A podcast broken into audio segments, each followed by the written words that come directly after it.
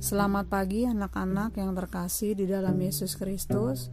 Sebelum kita memulai kegiatan pada pagi hari ini, mari kita simak renungan pagi berikut ini.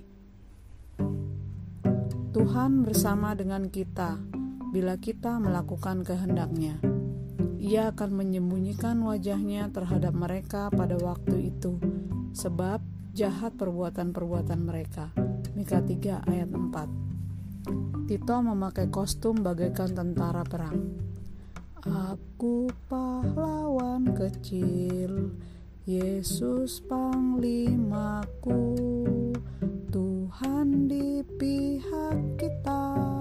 Siapakah lawan kita tidak ada?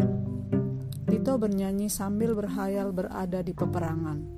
Sapu lidi di genggamannya bagaikan pedang yang tajam. Tito, anak Tuhan itu senang berdamai, bukan berperang, kata Kiki kepada Tito. Spontan Tito berteriak, tak senang permainannya diganggu kakaknya. Anak-anak, walaupun bukan bermaksud mengajak untuk berperang, ada benarnya nyanyian yang dinyanyikan Tito. Jika Tuhan di pihak kita, siapakah lawan kita? Bacaan kita hari ini menunjukkan kebalikannya, yaitu Tuhan tidak di pihak orang-orang Israel yang melakukan kejahatan. Mengapa? Karena ketika kita melakukan kejahatan, ketidakadilan, penindasan, penyuapan, Tuhan memalingkan wajahnya dari kita. Ia tak berkenan kepada kita. Anak-anak, mari kita pastikan Tuhan bersama kita. Untuk itu, mari kita melakukan kebaikan dan bukan yang jahat. Kita melakukan yang sesuai dengan kehendak Tuhan.